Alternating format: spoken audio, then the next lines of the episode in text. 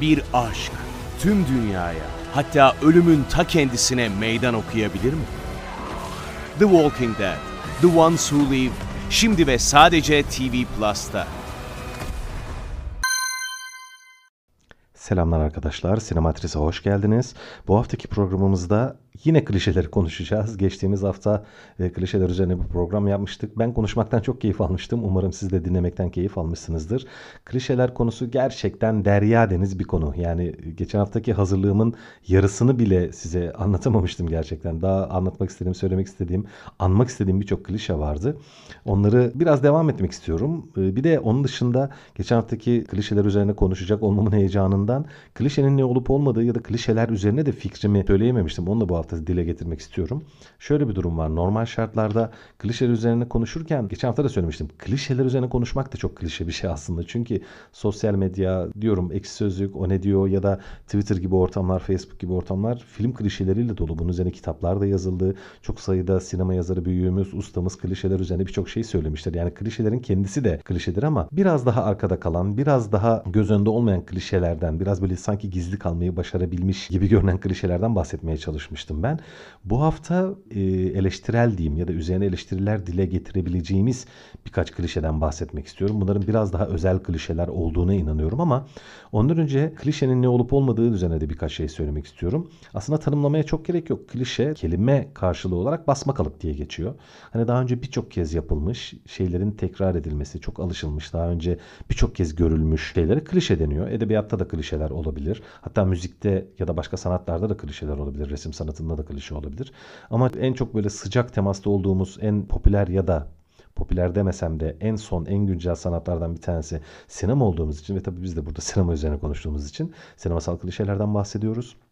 Evet alışıldık bir şey ama genel sinema sohbetlerinde böyle klişe kelimesi geçtiği anda hani genellikle klişenin çok kötü bir şey olduğu, klişelere sahip bir filmin istenmeyen, aranmayan, çok da keyif vermeyen bir film olduğu. Aa ben bu filmin sonunu çıkardım ya tamam şu kesin şöyle olacak. Bakın şimdi kesin böyle bir şey olacak gibi sohbetlere girdiğimiz bir konudur klişe konusu. Negatif yaklaşılır genellikle klişe olgusuna ama aslında bu çok doğru değil arkadaşlar. Çünkü aslında klişeler bu kadar çok tekrar edilmiş şeyler ise demek ki geniş kitlelerce daha önce çok sevilmiş, ilgi duyulmuş, ya hoş bulunmuş yani hani karşılığı olmuş sinemasal ayrıntılardır aslında klişeler. Ve bir yandan da sinema bir anlamda hem bir sanat olarak hem de popüler kültür malzemesi olarak bir eğlence olarak e, bize yani izleyicilere ayna tutan da bir olgu olduğu için sinema bu klişeler bir anlamda toplumu da yansıtır aslına bakarsanız. Yani bir umursamaz polis dediğimizde bunun altında bir toplumsal, kültürel ya da o mesleğin doğasıyla ilgili, o mesleğin içerisinde yer alan insanlarla ilgili bir tespittir bu aynı zamanda. Ya da örneğin çok azimli, idealist avukat dediğimizde, tamam bu bir klişedir mesela. İşte ölüm tehditleri de alsa, işte savunduğu davadan geri adım atmayan, ölümden bile korkmayan bir hukukçu, bir adalet savaşçısı dediğimizde Evet bu belki klişe bir şeydir. Çok alışıldık bir şeydir. Bir sürü filmde karşımıza gelmiştir ama bir yandan da o meslekle ilgili, o tipleme ile ilgili fikirleri barındıran ve bununla ilgili de sinemacının fikrini de barındıran bir klişedir aynı zamanda. Onun dışında görsel dille ilgili, hikaye yapıları ile ilgili çok fazla klişe anabiliriz ve bunların hepsinin bir klişeye dönüşmesi de yani sinemasal olarak klişeye, klişeye dönüşmesi de bir sinemanın olgunlaşması, olgunluğunu göstermesi durumunu karşımıza getiriyor. Yani diyebiliriz ki klişeler doğuran sinema olgunlaşmış bir sinemadır aslında. Bunun son yıllardaki en güzel örneklerinden bir tanesi arkadaşlar Türk korku sinemasının belirli klişeler oluşturması. Şimdi Türk korku sinemasını seviyorsunuzdur ya da sevmiyorsunuzdur. Bu tabi beğeniyle alakalı bir şey. Kişiden kişiye değişebilir. Ben kendi adıma çok güçlü bir sinema olduğunu düşünmüyorum. Çok başarılı bir sinema olduğunu düşünmüyorum. Çok başarılı, unutulmaz örnekler barındıran e, bir sinema olduğunu düşünmüyorum. Ancak neticede bir Türk korku sineması diye bir olgu artık hayatımıza girdi ve var değil mi? Bu da iyi bir şey. Türk sineması adına iyi bir şey arkadaşlar. Bugün çok iyi örnekleri karşımıza gelmiyor olsa da mutlaka gözden kaçmış değerli örnekleri vardır. Ve gelecekte de bu klişeler ya da bu olgunluk üzerine bir şeyler inşa edip çok daha iyi örnekler ortaya çıkaran sinemacılar da mutlaka olacaktır. O anlamda Türk sinemasının da örneğin bir korku filmi klişeleri oluşturması Türk sineması adına iyi bir şeydir aslında. O nedenle klişelere çok da e, yani negatif, çok da böyle hmm, istemiyorum gibi bakmak çok da doğru değildir diye düşünüyorum. Şimdi birkaç tane klişe hazırladım demiştim. Dediğim gibi bu haftaki klişeler biraz daha farklı olacak. Biraz eleştirel yaklaşacağım klişeler olacak. Bunları izah etmeye çalışacağım size. İlk aklıma gelen klişe yolunda gitmeyen bilimsel deney klişesi arkadaşlar. Bu çok ilginç bir şey, enteresan bir şey bence. Hani bir klişe olarak çok alışıldık da altında çok bence dediğim gibi eleştirel ve biraz tatsız e, alt metinler barındırıyor. Şöyle ki bunun üzerine söylemek istediğim konu tabii çok derin de kısaltmaya çalışayım. Bilim, sanat, felsefe gibi çok temel disiplinler medeniyetimizin gelişmesinde en önemli e, rolleri oynamış olgulardan birkaçıdır bunlar mutlaka. Ve çok ilginç biçimde arkadaşlar sinema bilime şüpheli yaklaşıyor genellikle ve bilimsel gelişmelere karşı genel böyle bir antipatik bir yaklaşım var sinemacılarda, sinemada, bilim kurgu sinemasında. Hep böyle bilimsel gelişmeleri, bilimsel deneyleri, bilimsel çalışmalarda bulunan bilim insanlarını falan böyle negatif yaklaşıyor, bir garip yaklaşıyor sinema. Bu benim biraz canımı sıkıyor, biraz üzüyor beni aslında bilimsel anlamda muhafazakar bakışa sahip sinemanın varlığı ve geniş kitlelerce bunun kabul edilmesi de biraz eleştirilesi ve düşünülesi bir durum bence.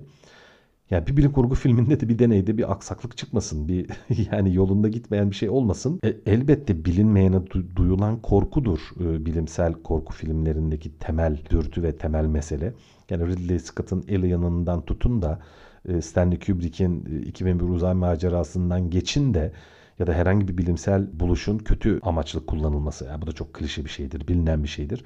Ama bakın bunların altında hep sanatın bilime ve bilimsel gelişmelere şüpheli bakması ve muhafazakar bir bakış açısı sunması alt metni var. E şimdi biz sanat da bizim için çok önemli ve sanatı da çok seviyoruz. Bilim de çok çok çok önemli bir olgu. Yani bilim insanlarına da saygımız var. Önem atfediyoruz yani bilimi önemli görüyoruz hepimiz medeniyet olarak. Dünyanın bütün gelişmiş ülkeleri bilimsel çalışmaların ön planda olduğu ülkelerdir. Tabii yine felsefe de aynı şekilde bilim ve sanat gibi çok önemli disiplinlerden bir tanesi. Neden sanat bilime şüpheyle yaklaşıyor?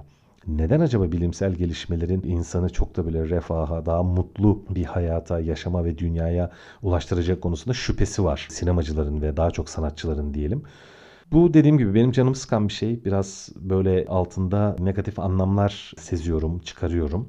Belki siz öyle düşünmezsiniz olabilir bilemiyorum ama bu çok klişe bir şey artık. Gerçekten sıktı. Sinemasal olarak da sıktı yani. Şu biraz daha kabul edilebilir bir klişe gibi geliyor bana. Öngörülemeyen bir bilimsel çalışma sonucu karşımıza istemediğimiz bir durumun çıkması. Okey. Yani atıyorum biz bir laboratuvarda bir virüs, bir bakteri deneyi yapıyoruz ve o sonu bizim başımıza bela alıyor. Örneğin buna benzer de filmler var ya da uzayda bilinmeyen bir gezegene gidiyoruz ve orada bir işte bir virüs buluşuyor, bir hastalık buluşuyor, bir uzaylıyla karşı karşıya geliyoruz. Evet, insan belki bilinmeyen e, karanlık mecralara girerken biraz daha dikkatli olmadı. Belki de bilim insanları bu açıdan biraz iyimserlerdir. Çok belki de biraz kontrolsüzlerdir.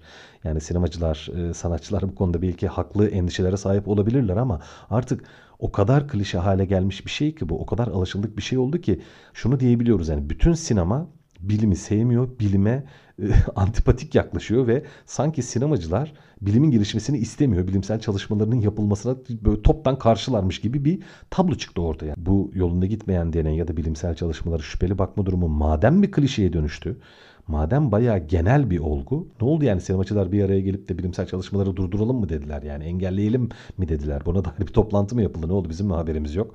Çok ilginç bir durum bu bence. Klişeye dönüşmüş olması. Bir başka klişemiz arkadaşlar yine sıkça karşımıza çıkan şeylerden bir tanesi ve bence çok kullanımı açısından da biraz antipatik olan şeylerden bir tanesi ergenlik sancıları arkadaşlar. Deyince benim aklıma ilk ne geliyor biliyor musunuz? Biraz garip belki ama Örümcek Adam filmi geliyor. Başka bir sürü gençlik film var aslında. Hani Amerikan pastasından tutun da 80'lerdeki işte Breakfast Club'lar falan hani gençlerin, ergenlerin sorunlarını inceleyen çok değerli filmler de var. Evet ama Peter Parker'ın neydi sevgisi? Mary miydi? Yani, o, yani bir açıl artık şu kıza ve yani sevgili oluyorsanız olun, olmuyorsanız da olmayın. yani şimdi evet ergenlik zor bir dönem.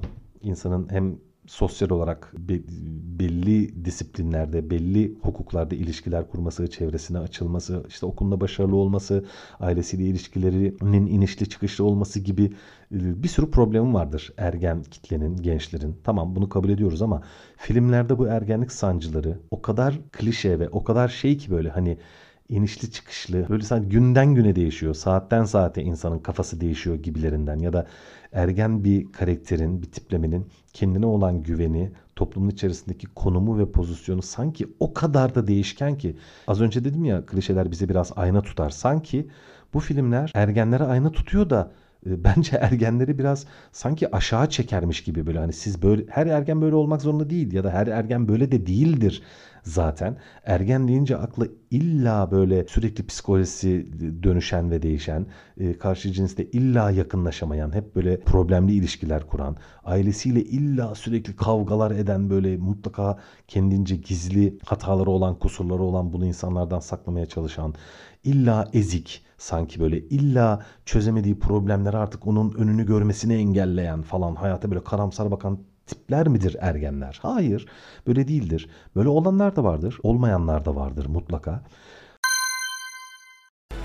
Bir aşk tüm dünyaya, hatta ölümün ta kendisine meydan okuyabilir mi? The Walking Dead, The Ones Who Live, şimdi ve sadece TV Plus'ta. Ancak sinemada bu ergenlik sancıları o kadar alışıldık ve biraz da böyle hoyratça kullanılıyor ki o konuyu incelemekten çok o konunun incelenmeye değer bir şey olmadığını ya da öyle demeyeyim de yeterince incelenmiş ve sonuca bağlanmış bir konu olduğunu düşünüyormuş gibi geliyor bana bu filmler ve bunları yapan sinemacılar. Bu da çok can sıkıcı bir klişe bence. Bu kadar köşeli olması yani bu kadar net olması belki de biraz daha antipatik ve sevimsiz gösteriyor. O nedenle ergenlik sancıları üzerine ayrıntılar barındıran filmleri biraz antipatik yaklaşıyorum ben arkadaşlar. Diğer aklıma gelen biraz garip şeylerden bir tanesi, klişelerden bir tanesi özellikle romantik komedilerde karşımıza çıkan önce nefret sonra sevgi klişesi. Film boyunca işte çift erkek çok yakışıklı, karizmatik böyle. Kadın gayet çekici, sevimli, hoş falan. Okey, tamam. Böyle tipleri izlemeyi seviyor genel izleyici kitlesi. Biz bunları seviyoruz. Peki tamam biraz üften püften diyelim ya da böyle çok da derdeci olmayan biçimde bu tipler e, tanıştıklarında e, bir açıdan hayata farklı bakıyorlar. Bir farklılıkları var belki. Evet, tamam. Şimdi bu sosyal kültürel bir alt metin mi barındırıyor? Yani bir şekilde biz birbiriyle zıt hiç anlaşamayan iki kişiyi bir araya getiriyoruz ve aşk onların o farklılığını ezecek, her türlü farklılığı hatta ezecek ve önemsiz bırakacak önemli bir olgudur gibi bir mesaj mı var bunun altında? Yoksa sadece filme bir heyecan katmak, bir ilginçlik katmak, işte komik birkaç sahne yazmaya, komik birkaç replik yazmaya e, zemin oluştursun diye kullanılmış bir ayrıntı mı bu acaba? Bunun en güzel örneklerinden bir tanesi tabi sinema tarihinin de en okkalı, en böyle başyapıt seviyesinde kabul edilen filmlerinden bir tanesinde When Harry Met Sally filmi vardı. Harry Sally ile tanışınca. E, Bill Crystal'la Meg Ryan'ın oynadığı. Gerçekten çok iyi bir filmdir. Şimdi ben kendi adıma söylüyorum. Ben romantik komedileri çok sevmem. Çok ikna edici bulmam. Çok yani kendi adıma çok sevmiyorum ama sinema tarihinde önemli bir yerleri var tabii ki. Çok değerli filmler de var içerisinde. Ta 1930'lara dayanır aslında. Screwball komedi diye. Ağzı çabuk karakterlerin böyle birbirlerinin sözlerini kesip birbirlerini sürekli e, fazlaca böyle konuşarak e, ezdikleri diyeyim rahatsız ettikleri diline çabuk karakterlerin öykülerini anlatan filmleri Screwball komedi deniyordu. Yani romantik komedi ta diyorum 30'lardan falan başlıyor aslında. 80'lerde ayrı bir mail aldı. Biraz daha böyle güçlendi. İşte When Harry Met Sally onun öncü örneğiydi. Orada da birbiriyle zıt iki karakter e, yolculuk yapacaklar ve yolda tanışıyorlar. Tabii birbirlerinden nefret ediyorlar önce. Kadınlar. Bir de tam böyle erkek çok eril böyle erkekçi ve erkeksi bir karakter. Kadın da Tam tersine çok kadınsı ve kadıncı bir karakter. Kendi cinslerini çok böyle kutsayan ve güçlü olarak gören tipler. Bunlar tabii dövüşüyorlar, kavga ediyorlar. Hani sözlü anlamda dövüşüyorlar.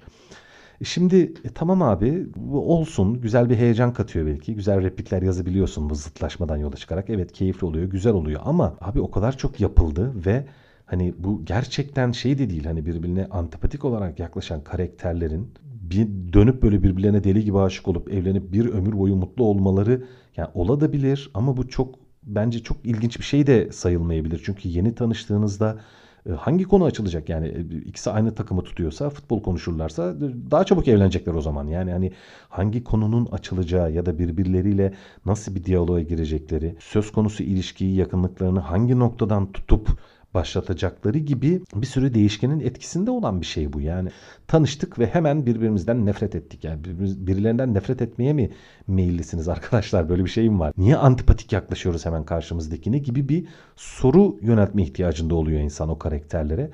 Çok inandırıcı bulmuyorum, çok ikna edici bulmuyorum. Çok da klişeleşmiş bir şey haline geldi.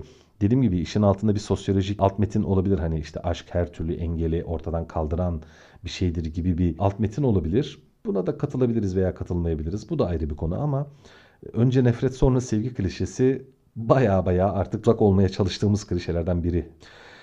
Ee, şimdi biraz daha farklı bir klişeye geçeceğim. Biraz daha ilginç bir duruma geçeceğim.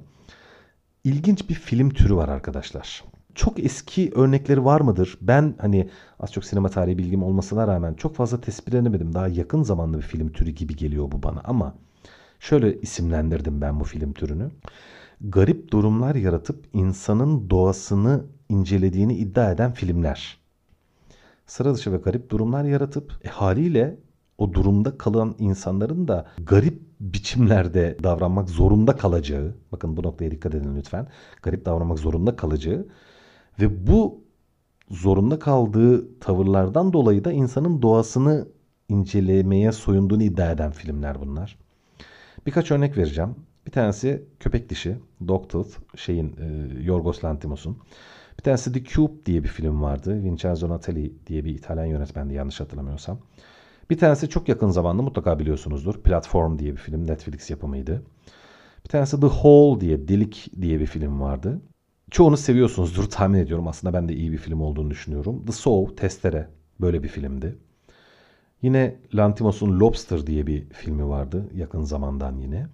Şimdi başka filmler de var. Hani birkaç örnek vermem yeterli herhalde. Şimdi bu filmler ister ikna edici, ister tamamen fantastik, tamamen uydurulmuş diyeyim yani. Cube öyleydi mesela. Uydurulmuş, sıra dışı, ya baskılı bir ortam yaratıyor bu. Örneğin Cube filminde birkaç kişi bir anda hepsi uykulu haldeyken bir an uyanıyorlar bir küpün içindeler. Niye oraya geldiler, nasıl geldiler hiç kimse bilmiyor. Bir gerilim filmi bu. O küpün içerisinde ölümcül tuzaklar var ve oradan kurtulmaya çalışıyorlar. Şimdi oraya nasıl geldiler, niçin geldiler falan. Konu bu değil. Onlar oradan nasıl kurtulacak? Kurtulurlarken nasıl yöntemler deneyecekler? E, ve birbirlerine nasıl davranacaklar da gibi de bir durum çıkıyor ortaya. Aynı şekilde The Hall mesela. The Hall'da bir grup genç işte bir sığınak gibi bir yere giriyorlar. İstemeden o kapısı kapanıyor. Orada kilitli kalıyorlar. Orada dayanmaya çalışıyorlar. İşte aç kalıyorlar, susuz kalıyorlar. Bu filmler öyle garip durumlar yaratıyorlar ki arkadaşlar. İster istemez insan garip garip davranacak yani başka çaresi yok öyle söyleyeyim. Ve genellikle bu durumlar aslında doğal yani hani zaten sinemada günlük hayatımızda karşımıza gelen şeyleri bekliyor değiliz. Tamam sıra dışı durumları daha çok öykü ediniyordur sinema tabii genel olarak ama bu tip filmlerdeki durumlar gerçekten illa insanlar garip ve sıra dışı davransın diye o kadar yapay biçimde oluşturulmuş ortamlar oluyor ki bu filmlerin hiçbirinin ben inandırıcı ve ikna edici olduğunu düşünmüyorum. Bir türlü ben bu filmlerin gerçekten insanın doğasını inceleyen filmler olduğuna da hiçbir zaman ikna olmadım ve öyle, öyle olmadıklarını düşünüyorum ve iddia ediyorum. Mesela dediğim gibi en güncel örnek platformdu. Platformda hani izlemeyen arkadaşlar vardır belki izlemek isteyen ya da izleyip de beğenen de olabilir tabii. Bence iyi bir film değildi. Herkes çok övdü böyle yani harika bir film çok iyi çok güzel toplumsal tespitler barındırıyor. Evet filmin mesajı gerçekten çok etkileyiciydi. Onu yani kabul ediyorum ve gayet de normal. Ama kurulan atmosfer, inşa edilen o sıkışık ve basınçlı yapı ve tamamen fantastik zaten. Hani hiçbir gerçekçiliği yok. Hani dünyada öyle bir yer, hani öyle bir deney ortamı ya da öyle bir yapı hiç var. Mümkün mü? Hani buna inanan olmuş mudur? Hayır. Hani herkes onun bir anlamda bir fantezi olduğunu kabul ediyordur diye tahmin ediyorum. Tabii bu da şart değil. Yani. Tamam Yüzüklerin Efendisi de fantezi ama şimdi burada sohbetin başında söylemeye çalıştığım gibi insanın doğasını incelediğini iddia ediyor bu filmler. İnsanla ilgili çeşitli tespitler yaptığını iddia ediyor ama siz o kadar yapay, o kadar basınçlı, o kadar zaten insanların sıra dışı davranmak zorunda kalacağı bir atmosfer yaratırsanız insanları, oradaki karakterleri ve tiplemeleri de aslında zorla bir şekilde hareket etmeye e, yönlendirmiş oluyorsunuz. Hani başka çare kalmıyor. Hani şunu demiş oluyorsunuz. Bak insan zora gelirse ne çirkinlikler yapabilir. Abi bu hani hayatta kalma dürtüsü yani belki doğada da böyle bir şey var ya da insanın çirkinliklere meyil edecek olması işte onun karakterinden, yaratılışından, doğuşundan bunu da incelemek istiyorsak eğer bu filmler değil çok daha iyi çalışılmış, çok daha düşünülerek oluşturulmuş atmosferlerin içerisine belli tiplemeleri ve karakterleri yerleştirmenin gerektiğini düşünüyorum. Bunu da iyi yapan filmler yok değil tarihte. Ama bu filmler bana çok yapay geliyor arkadaşlar. Birçok örneği var. Evet izliyoruz. Çoğunlukla düşük bütçeli filmler oluyor bir de. Hani sinemacılara öyle bir olanak veriyor. Tek mekan, iki mekan falan böyle. Birkaç tipleme, birkaç karakter. Böyle güzel replikler yazalım. Güzel bir atmosfer oluşturalım. Güzel ışıklar yapalım. Hop o, buyurun size güzel bir gerilim filmi. Ama işte değil. Çünkü altındaki gerçekçilik ikna etmiyor. İzleyiciyle kurduğu tavır tamam ben gerçekçi bir filmim demiyor ama siz gerçekçi olmayan bir atmosfer kurduğunuzda orada karşımıza gelen eylemler, olaylar ve tespitler de çok da gerçekçi olmuyor bence. Genel olarak fantezi, fantastik filmler bunlar zaten. Hani dediğim gibi ikna edici tarafları yok ama soyundukları iddia ve tut, bize tuttuklarını iddia ettikleri ayna çok da temiz bir ayna değil gibi geliyor bana. Dediğim gibi bu da bir klişe ve artık çok klişeleşmiş hale geldi ve filmler de birbirine biraz benzemeye başladı. Yakın zamanda başka birkaç örneğini de izledim. Çok da iyi olmayan örneklerdi. Ee, insanların bundan çok da ikna olduğunu düşünmüyorum. Yani izlemek belki keyifli olabilir bu filmleri ama çok da güçlü filmler olduklarını düşünmüyorum. Çünkü zaten klişeye dönüşmüş durumdalar. Ee, evet birkaç klişeyi daha bu hafta anlatmaya çalıştık. Altındaki e, metinleri ve e, işaret ettikleri noktaları da belirtmeye çalıştım. Bu haftalık bu kadar arkadaşlar. Önümüzdeki hafta görüşmek üzere. Teşekkürler. Bir aşk tüm dünyaya hatta ölümün ta kendisine meydan okuyabilir mi? The Walking Dead, The Ones Who Live şimdi ve sadece TV Plus'ta.